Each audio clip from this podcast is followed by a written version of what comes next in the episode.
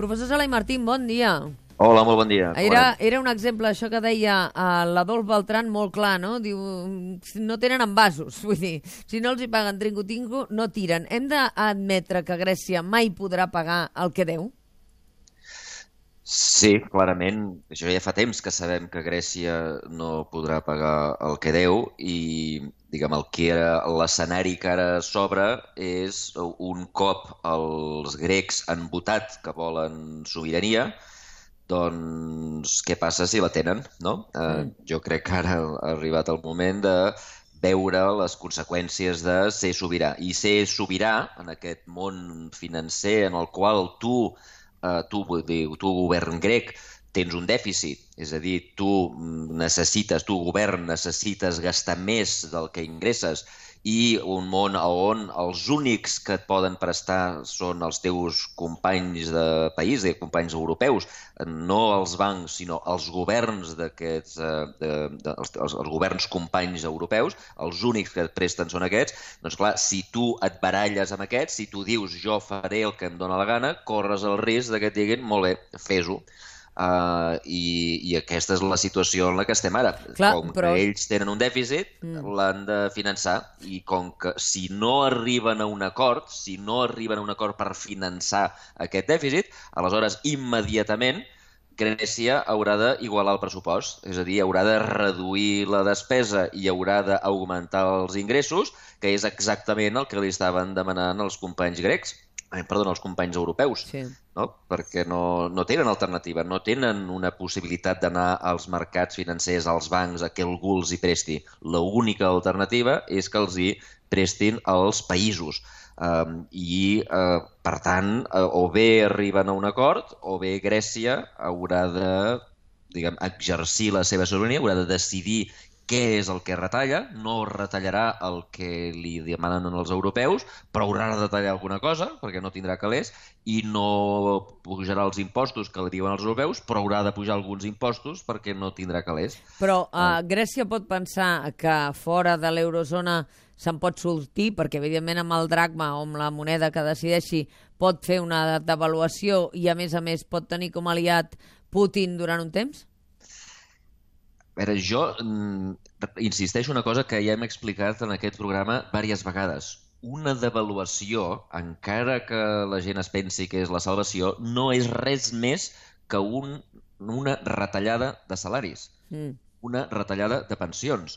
Eh? Perquè pensa, una devaluació abarateix els teus productes de sobte, els productes, diguem, el, el, els uh, viatges a Grècia per nosaltres, els que tenim l'euro, seria molt més barat, l'oli grec seria molt més barat, els iogurts serien molt més barats, tots els productes grecs serien més barats per nosaltres, però fixa't que per l'altra cara de la moneda, pels grecs, tot el que compren a fora, ara mencionàveu les ampolles d'oli, sí? no? serien molt més cares.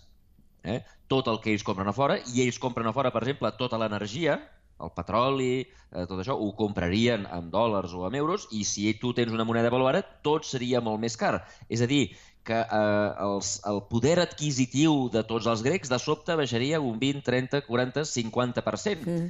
Haurien, per tant, baixat els salaris, que és precisament el que estan intentant evitar.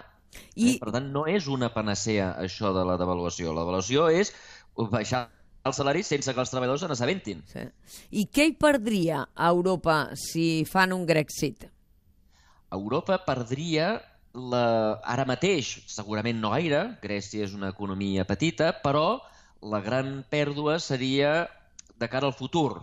Eh? Una de les coses que ha evitat la desintegració, els atacs especulatius, els, en els moments aquells de crisi, recordeu l'any 2012, el juliol del 2012, abans de que el Mario Draghi fes aquell gran discurs de farem el que sigui necessari per mantenir l'euro i tal, abans d'aquell discurs, Um, van, haver van començar a haver-hi una mena d'atacs especulatius. Eh? La gent a Espanya, a Espanya treien els calés per si de casa sortia de l'euro.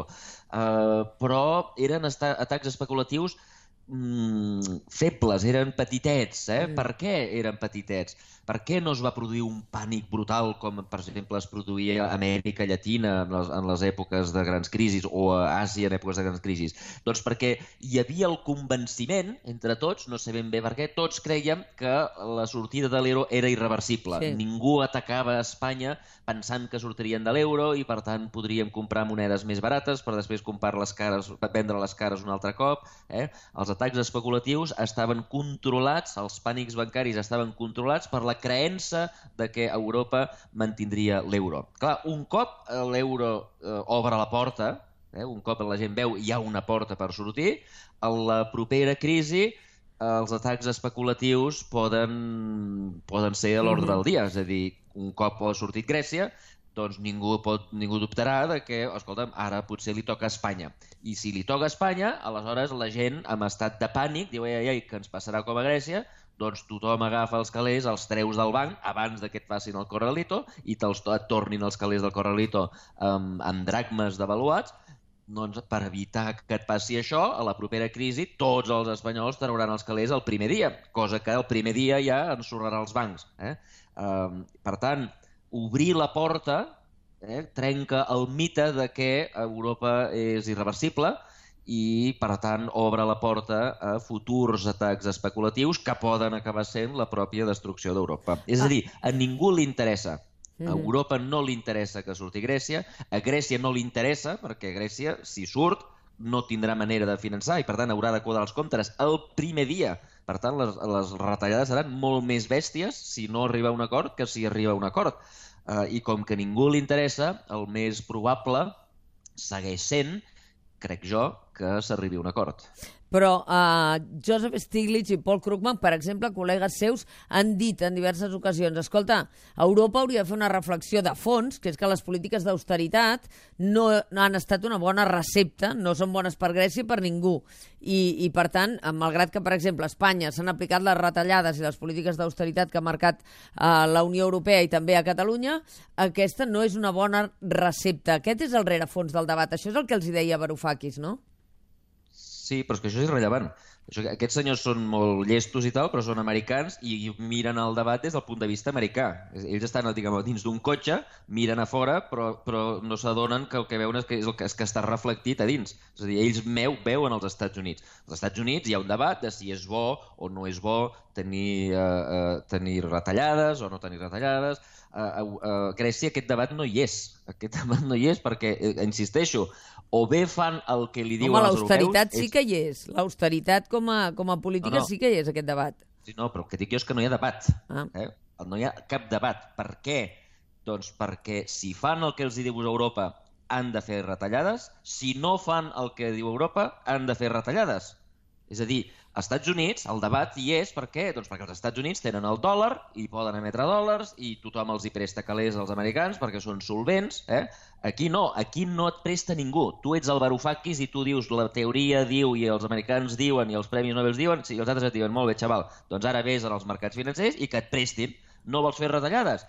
tu vols no de reduir la despesa i vols no, eh, no vols augmentar els ingressos, no vols reduir el dèficit, molt bé, tu mateix, fes-ho, tu vols ser, eh, tenir la llibertat de decidir, molt bé, decideix, vinga, fer-ho. Però, però el que els, el que els diuen és reestructurem el deute i establim un calendari que nosaltres puguem assumir per poder créixer econòmicament. Això és el que els estan dient des de Grècia. Sí, sí, molt bé, però els grecs, els, els, els, els uh, alemanys, o diguem els europeus, no perquè no només són els alemanys, eh, també són els espanyols i també són els lituans i també són els finesos, uh, doncs et diuen, escolta'm, uh, nosaltres vam arribar a un acord, nosaltres ja vam fer una, una reducció, uh, diguem, ja vam fer una quitança sí. eh, del 50% en el seu moment, nosaltres ja vam agafar els deutes i els vam assumir, els països i els vam assumir, i escolta'm, nosaltres, uh, això és el que nosaltres et donem, i els hi permeten tenir una mica de dèficit. Mm -hmm. Fixa't que si no fan cas, fixa't que si no fan cas, el dèficit haurà de ser zero perquè ningú et finançarà. O sigui, tu només pots gastar 120 quan ingresses 100, si aquests 20 de diferència te'ls deixa algú. Si no te'ls deixa algú, tu només pots gastar 100. Mm -hmm. I, per tant, les retallades faran que el dèficit hagi de ser zero immediatament. Per tant, el debat teòric de l'Stiglitz i del Krugman està molt bé, eh, està molt bé en els llibres de text, però avui dia les alternatives són O fem el que ens diu Europa o no fem el que ens diu Europa. Estem d'acord? Si no fem el que ens diu Europa, hi ha dues possibilitats. Una, que nosaltres retallem el pressupost immediatament, eh? cosa que vol dir més retallades que del que ens, ens, remenava, ens obligava Europa, molt més grans, perquè el dèficit ha de ser zero en 20 minuts, Eh? I l'altra possibilitat, que és, un, que és la comença, el començament de la sortida de l'euro, que és doncs Europa, eh, perdona, Grècia eh, segueix gastant més i per fer-ho el que fa és emetre una mena de vales. Mm. És a dir, jo no puc pagar salaris, però als treballadors els donaré un vale eh, de 1.000 euros. Tu cobres 1.000 euros, doncs jo et dono un vale, eh? vale de 1.000 euros. El treballador agafa aquest vale i necessita anar a comprar carn. Eh? Doncs la carnissera diu, escolta'm, aquest vale de 1.000 euros a mi eh, no m'inspira confiança, jo te l'accepto, però només eh, per un valor de 400. És a dir, immediatament el valor del poder adquisitiu dels salaris baixa. Eh? Uh mhm. -huh. I el vale aquest comença a circular. La carnissera l'agafa, òbviament la carnissera no sí. li interessa tenir-lo a la butxaca, l'utilitza per anar a comprar a la ferreteria eh? i el vale aquest comença a convertir-se en una moneda. És a dir, comença a ser la llavor d'una nova moneda, del nou dracma, i eh, d'aquí uns mesos tothom, agafa, tothom utilitza els vales perquè els euros han desaparegut i tothom utilitza els vales i l'economia eh, diguem, eh, comença a tenir una nova moneda. I això és el principi de la, la sortida de l'euro. Eh? Només hi ha aquestes possibilitats. O bé obeïm o bé no obeïm. Si no obeïm, o bé retallem dèficit a zero immediatament, o bé fem servir una moneda que eh, és, el, és la llavor de l'euro. Eh? Això no vol dir que Grècia no se'n pugui sortir. Mm. Eh? No, si, és el, si el Parufaki, ai, si el, si el Sacalotos, sí. el Sacalotos sembla que sembla que estigui jugant a la loteria, aquest home, s'ha buscat un nom una mica estrany. Però bé, o sigui, el Sacalotos aquest el agafa, diguem, i, i, i no fa cas, segueixen sí. sense fer cas, podrien sortir-se'n, eh? potser amb un dèficit zero, doncs ells mateixos se n'acaben sortint, potser sí, o potser amb aquesta nova moneda se n'acaben sortint. Però insisteixo, jo crec que l'escenari més probable torna a ser, encara és, l'acord, perquè la catàstrofe és dolenta, la, la catàstrofe és per tothom en cas de que no s'arribi un acord. Doncs uh, sembla que al final acord n'hi haurà, trigarà més o menys, eh, també aquí en la política catalana, professor Sala i Martín, perquè sembla que hi ha una llista en construcció sense polítics. Ara en parlarem. Professor Sala i Martín, moltes gràcies, que vagi bé. Moltes gràcies a vosaltres, bon dia.